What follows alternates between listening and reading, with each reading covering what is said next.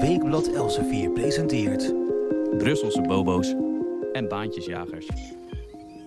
De Europese Unie. Of we nou willen of niet, we horen erbij en daar merken we elke dag de gevolgen van. In ons immigratiebeleid bijvoorbeeld. Nederland zelf heeft amper nog zeggenschap over wie ons land binnenkomt, omdat je in de Schengenzone vrij kunt reizen.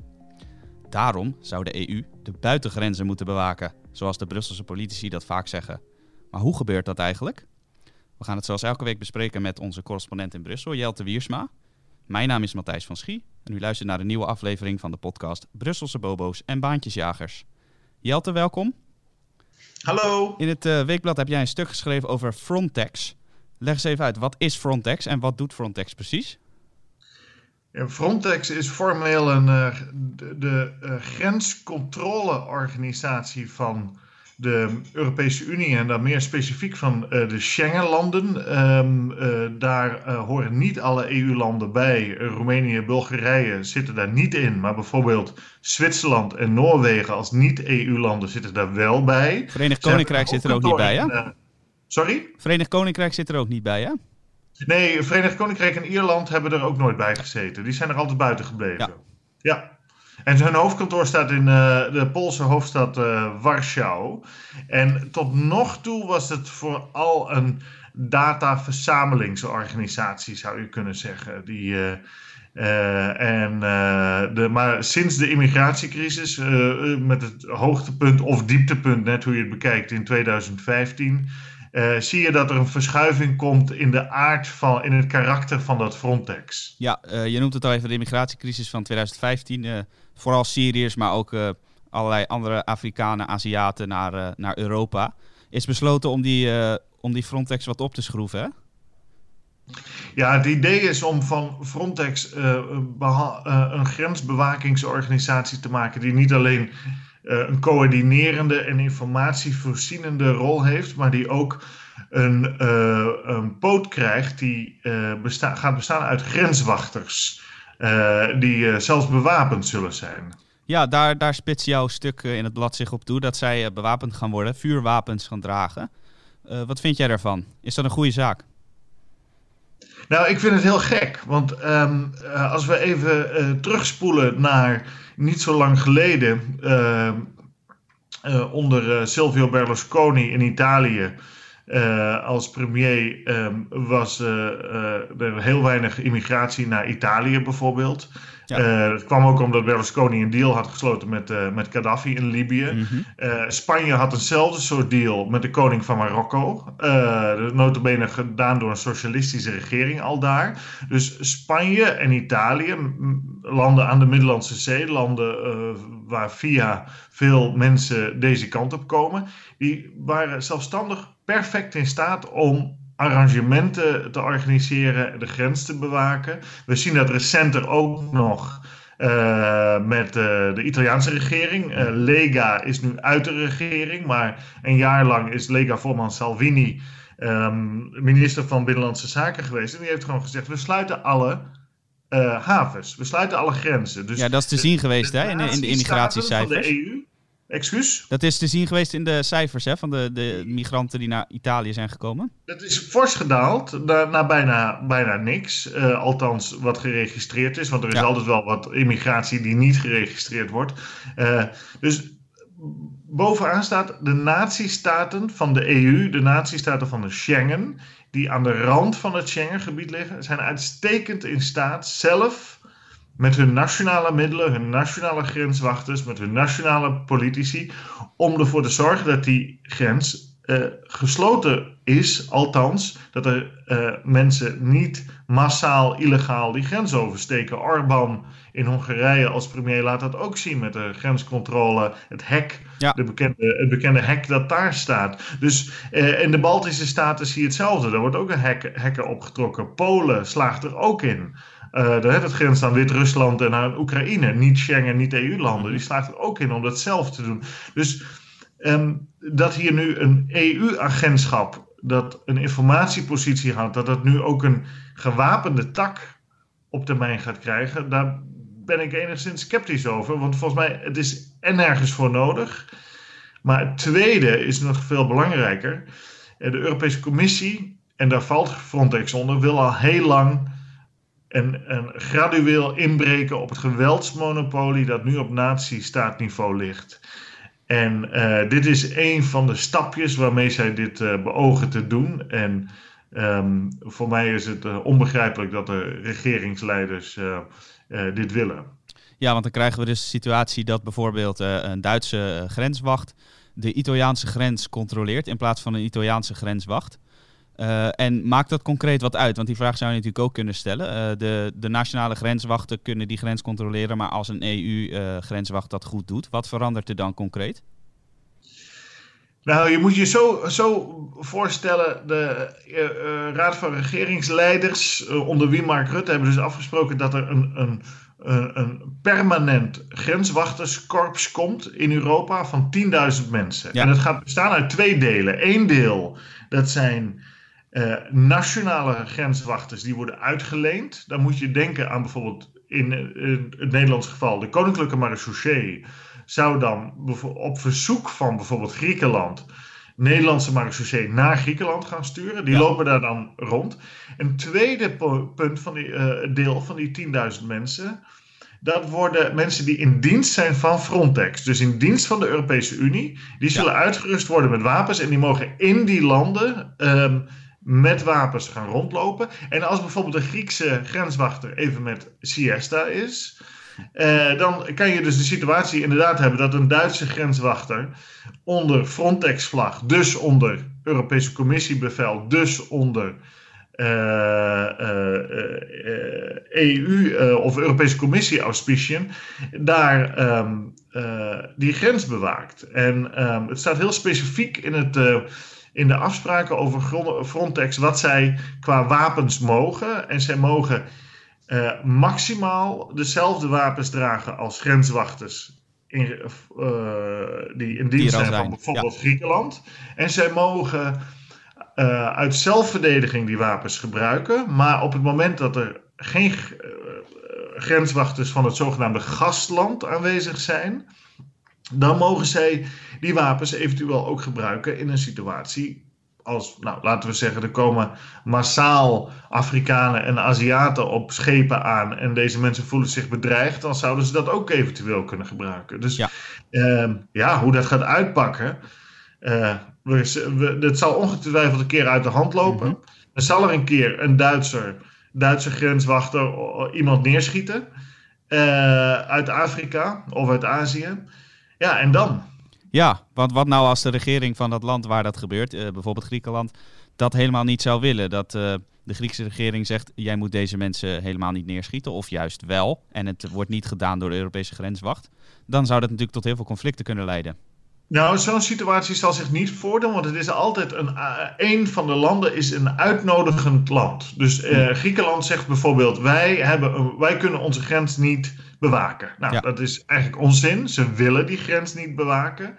Uh, en hoe dat altijd ging, ze stuurden altijd iedereen naar Noord-Europa. Nou, nu zijn een aantal grenzen dichtgegooid, waardoor al die mensen in Griekenland blijven zitten. Ja. En nu, nu moet Griekenland eigenlijk zelf meer gaan doen. En uh, dat geldt uh, voor anderen ook. En uh, dan Griekenland kan dan zeggen: oh, wij kunnen dat zelf niet. Wat eigenlijk betekent wij willen het zelf niet. Mm -hmm. En wat gaan ze dan doen? Uh, uh, een verzoek indienen bij Frontex. En zeggen, nou, wij willen ondersteuning. Kunt u dat leveren? En ja. uh, nou, dat, Frontex zal ongetwijfeld enthousiast zijn om dat te leveren, die ondersteuning. Want een organisatie wil altijd groeien. Ja, daar zijn ze voor opgericht natuurlijk.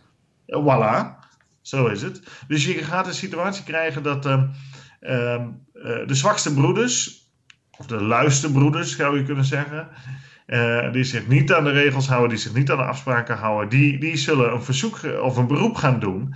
En um, uh, dan uh, vallen zij wel onder het Griekse recht. En ze moeten zich ook aan internationale verdragen houden, die grenswachters van Frontex. Dus ze kunnen niet als cowboys daar gaan schieten.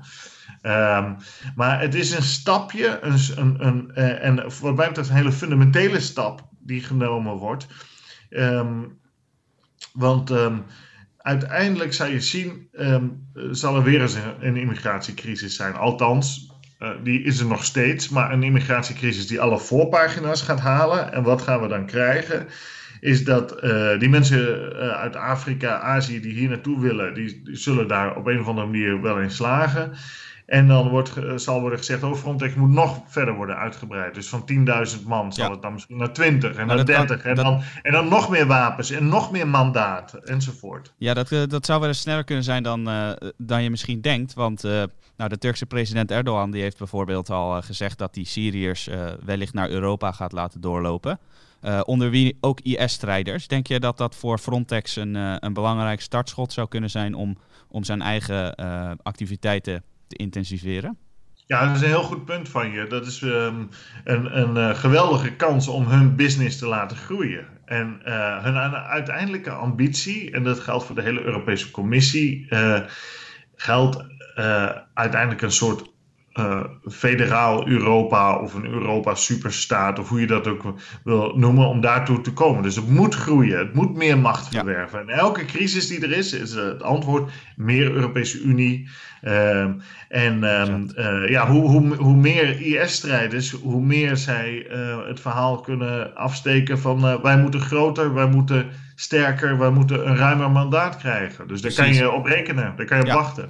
Ja, nou hebben we natuurlijk in deze podcast al heel vaak gehad over uh, de Franse president Macron, die, uh, die graag zijn uh, macht wil uitbreiden, de macht van Frankrijk. En Macron is, zoals wij ook weten, een groot voorstander van een Europees leger. Zie jij zo'n Frontex ook als een, of tenminste de uitbreiding van Frontex ook als een opstapje naar een Europees leger? Of zal het zo'n vaart niet direct gaan lopen? Um, ja, dat zou kunnen dat dit een, uh, een deurtje open is en dat uh, langzamerhand die deur verder wordt opengeduwd. Er is uh, een, natuurlijk een Europees leger, het Europees legerkorps, maar dat is een blaaskapel die geloof ik bestaat uit afgekeurde dienstplichtigen uit een aantal landen. Dus daar hoef je niet zoveel zorgen over te maken. Maar dit is serieuze, een serieuze zaak wat mij betreft. Ja, ja duidelijk. dat is een ontwikkeling die we goed in de gaten moeten gaan houden. Nou eh, is er natuurlijk nog veel meer in uh, de Europese Unie dat wij uh, goed in de gaten moeten gaan houden. Een van die zaken is uh, de nieuwe commissie. Ursula von der Leyen, de, de nieuwe commissievoorzitter, die heeft een aantal commissarissen voorgedragen. En daar zijn er een aantal van afgekeurd.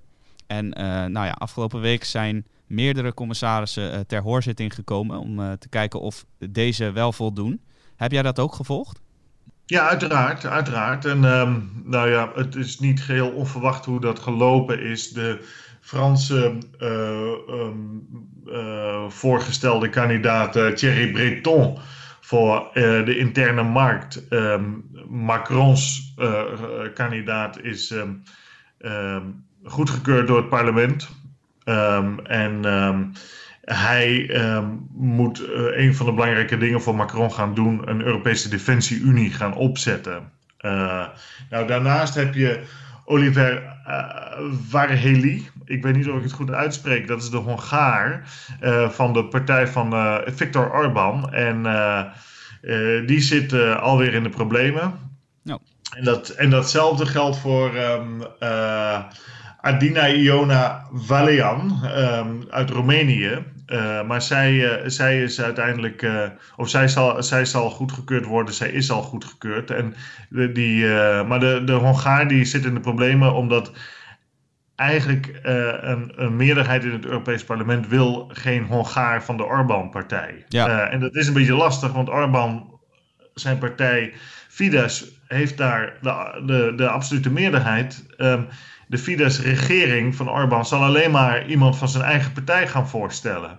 En um, die zal telkens worden afgeschoten, zoals het nu lijkt, uh, door uh, um, sociaaldemocraten, liberalen en, en, uh, en anderen. Dus hoe dit, dit, kan, dit kan wel, um, in het gekste geval zou dit jaren zo door kunnen ja, gaan. Ja, want 1 december moet die eigenlijk van start gaan, die nieuwe commissie. Maar dat, dat lijkt heel optimistisch. Hè? Dan hebben we nog iets meer dan twee weken. Gaat dat lukken? Ja, dat lijkt niet, dat lijkt niet te gaan gebeuren. Uh, en um, um, dan, dat betekent dat de vertrekkende commissie Juncker, uh, dat die nog altijd uh, in actie is. dus, ja, nou nu even niet natuurlijk. hè, want sorry, Jonker die, is, die wordt geopereerd. Of die is geopereerd. hoe dat precies zit, dat weet ik niet. Maar dat betekent dat nu zijn eerste plaatsvervanger, Frans Timmermans, eventjes de commissie leidt. Ja, klopt. Dus wat dat betreft is het in het strategisch belang van Timmermans dat um, de Hongaar, uh, wie dat ook is, die wordt voorgesteld voor de commissie, elke keer wordt afgewezen. Want zolang dat uh, het geval is, is hij de eerste man van de Europese Commissie. En we weten niet of, Jonker, of we Jonker ooit nog terug gaan nee. zien. Fysiek lijkt hij niet in staat om nog heel veel spectaculairs te doen. Al weet je het nooit, Jonker wordt altijd afgeschreven, maar uiteindelijk is hij al 40 jaar in het centrum van de macht in de Europese Unie. Dus onderschat hem nooit. En zo oud is hij ook niet. Hè? Hij is niet. Uh, het is, 64, hij is, hij, hij, het is geen Donald Trump uh, nee. uh, die in de 70 is. dus Jonker is halverwege 60. Dus um, alhoewel, hij ziet er ouder uit. Ja. Nou, wil ik nog heel even terugkomen op het thema waar het vooral om te doen was. Het het migratiebeleid, de houding in de EU ten opzichte van migratie. Want er is wel een, een, belangrijke symbolische beslissing genomen. Uh, ook daarover hebben wij het al een keer eerder gehad. Er was een, een, commis, een commissariaat voorgesteld, de bescherming van onze Europese waarden. En nou is daar afgelopen week besloten om dat niet bescherming van onze Europese waarden, maar bevordering van onze Europese waarden te noemen. Eén woordje verschil. Uh, dan zou je denken, wat maakt het uit? Maar dat uh, maakt wel degelijk wat uit, hè Jelte? Ja, de Sociaaldemocraten wilden dat heel graag. Uh, die hebben ook de meeste commissarissen. En die vonden het defensieve bescherming niet prettig. En die willen dus dat de Europese waarden bevorderd worden. Dan kom je in een soort mijnenveld terecht. Want wat zijn Europese waarden? Ja. Goeie vraag. een, een Poolse conservatief zal zeggen. Uh, abortus is geen Europese waarde, uh, want dat gaat in tegen uh, de christelijke leefregels en Europa is een christelijk continent. Een Nederlander zal misschien zeggen: homohuwelijk is, dat is een Europese waarde, want ja. Nederland kwam er als eerste land mee. En dus wat, uh, uh, wat, wil je, wat wilde China's voorheen beschermen en wat wil hij nu gaan uitdragen? Dat lijkt mij een nogal onmogelijke opdracht, eerlijk gezegd. Want Europa is, en dat is ook de lol van het continent Europa, zo divers ja. dat je dat niet in eenmaal kan gieten, volgens mij. En uh, dus. Ehm, ja, het maakt zich een beetje. Ze hebben zichzelf een beetje hiermee in de hoek gezet, wat mij betreft. En je komt hier nooit meer uit. Alles wat je als Europese waarde gaat definiëren, komt altijd als een boemerang terug. Ja, want inderdaad, wat jij zegt, Europa is een heel divers continent. En uh, de, de, wat het ene land uh, een Europese waarde vindt, dat vindt het andere land weer belachelijk of intolerant, hoe je het ook wil noemen. Ehm, nou, ik denk dat wij de belangrijkste ontwikkelingen in de EU wel hebben besproken. Of is er nog iets wat we heel goed in de gaten moeten houden de komende week, de komende weken? Nou ja, er gebeurt heel veel nog in de laatste weken van de Europese Commissie op het gebied van de sociale pijler, zoals dat wordt genoemd. En dat, dat gaat onder meer over de export van WW-uitkeringen. Daar heeft ah, Lodewijk ja. Asscher zich als minister van Sociale Zaken erg mee bezig gehouden dat dat uh, stopte. Wouter Koolmees, die nu de verantwoordelijk minister is, is daarmee bezig en die heeft een knijterende nederlaag geleden. Wat zo, uh, zoiets betekent als dat een Pool die in Nederland een jaar werkt, die kan... Uh, bij wijze van spreken een half jaar WW krijgen in Precies. Polen.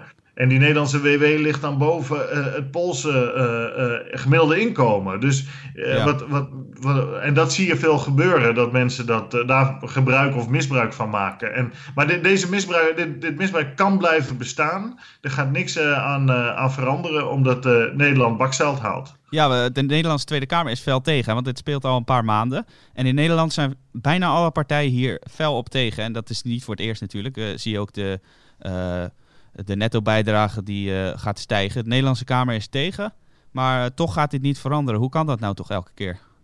Nee, omdat Nederland in een minderheidspositie zit. Wij worden elke keer overstemd. Nederland heeft er ooit zelf mee ingestemd dat er een einde wordt gemaakt aan veto, het vetorecht omdat Europese integratie door moest gaan. Hè? Dat was het motto. Nou, daar, krijgen, daar krijgen, komen we nu op de koffie. Want um, Oost- en Zuid-Europa, dat zijn ontvangende landen. Ja.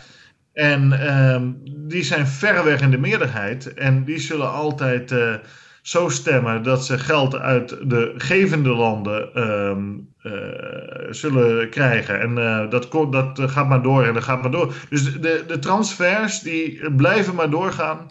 Is het niet via de euro, dan is het wel via het EU-budget. En anderzijds, uh, en anderszins is het wel via WW-uitkeringen of andere, andere export van uh, Nederlands geld. En, uh, en Nederland kan daar niks tegen doen. Of het moet zich terugtrekken uit ehm, zo'n poot. Dat kan, dat je ja. een opt-out realiseert, maar dat wil de regering niet. Dus daarmee ben je automatisch aan de verliezende hand. Ja, nou, zijn we mooi klaar mee dan. Um, Optimistisch bericht, hè? nou, inderdaad. Het, het, is nooit echt uh, uh, zonneschijn die hier uh, in de podcast naar voren komt. Maar goed, daar kunnen wij verder ook niet veel aan doen. jij, wij observeren slechts ja. wat er gebeurt. De langzame afschaffing van de natiestaat en de overdracht van macht naar Brussel enzovoort. Precies. je zult het elke week weer horen hier. Jij vat het in jouw artikel in het blad in een citaat van Jean-Claude Juncker, over wie we het net al hadden. Hij zei namelijk in 1999, zie ik hier, we besluiten iets, we laten het een tijdje rusten en wachten om te zien wat er gebeurt. En als niemand problemen maakt, omdat de meeste mensen toch niet begrijpen wat besloten is, gaan we stap voor stap door tot er geen weg terug meer is.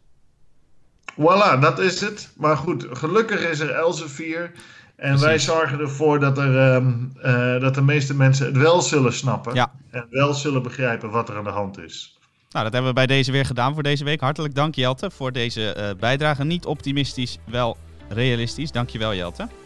Mijn naam is Matthijs van Schie en uh, ik dank u hartelijk voor het luisteren naar de nieuwe aflevering van de podcast Brusselse Bobo's en Baantjesjagers. Wilt u nou niets missen van deze podcastserie of van onze andere podcasts? Abonneer u dan op ons kanaal Els 4 Weekblad, bijvoorbeeld op Spotify, iTunes of YouTube. U kunt natuurlijk ook surfen naar de website www.elsvierweekblad.nl slash podcast. Tot de volgende keer.